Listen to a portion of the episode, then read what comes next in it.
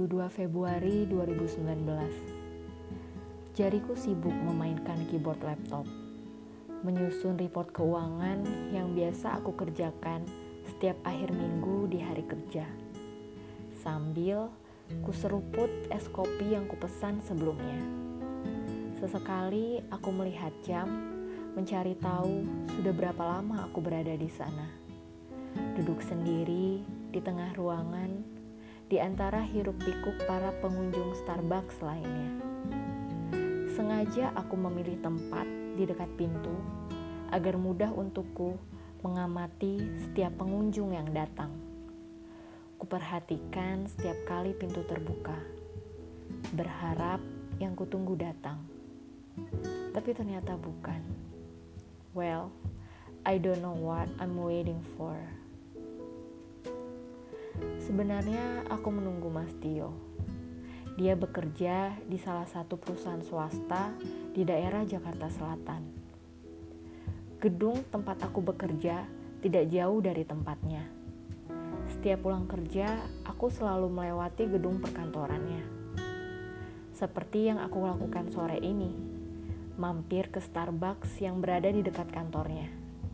Berharap bisa bertemu dengannya dan menyelesaikan kesalahpahaman di antara aku dan dia. Ku ambil handphoneku dan ku kirimkan pesan WhatsApp kepadanya. Mas, aku di Starbucks ya. Aku tunggu. Gak apa-apa lama. Aku juga lagi bikin report kok. Gak usah buru-buru. Take your time, mas. Tak lama handphoneku berdering. Ada pesan masuk dari Mas Tio. Dika, kan aku udah bilang aku gak bisa. Aku masih ada kerjaan. Dan setelah itu mesti segera pulang. Selasa aja ya. Nggak mau mas. Aku mau hari ini juga. Kalau selasa aku keburu ke nama sebentar aja kok cuma 10 menit please. Ucapku memohon dan kukirimkan pesan itu kepadanya. Dengan harapan dia mau menemuiku dan menyelesaikan masalah ini. Aku tidak bisa menunggu hingga hari Selasa. Bisa-bisa aku kena mah karena aku tidak nafsu makan. Ya, akhir-akhir ini aku merasa makan tak enak, tidur pun tak nyenyak. Sudah dua jam aku menunggu Mas Tio. Waktu pun sudah menunjukkan pukul 8 malam.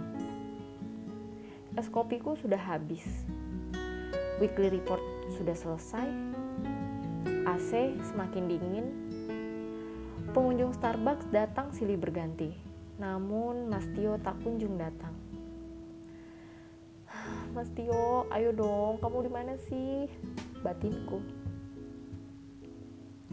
Tak lama ada pesan masuk dari Mas Tio. Tika, aku pulang ya. Kamu juga pulang. I'll call you, sorry. Enggak, aku tetap nungguin kamu di sini, balasku.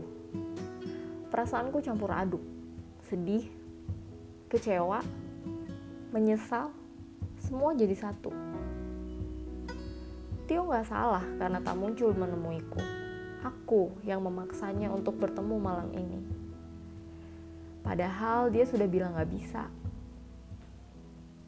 Tapi apa salahnya sih bertemu hanya 10 menit Aku nggak minta waktu lama kok. Aku hanya ingin masalah ini clear, hanya itu. Perkataan Tio lantas tak membuatku menyerah.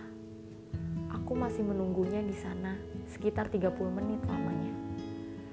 Berharap Tio bakalan muncul untuk melihat apakah aku benar sudah pulang atau belum.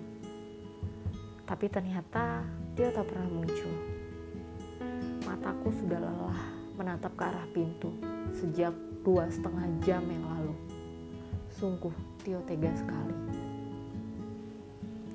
Oke, aku pulang mas, ucapku melalui WhatsApp kepada Tio. Sesampainya di rumah, Tio menelponku. Suaranya masih sama, seperti saat pertama kali aku mendengarnya dulu.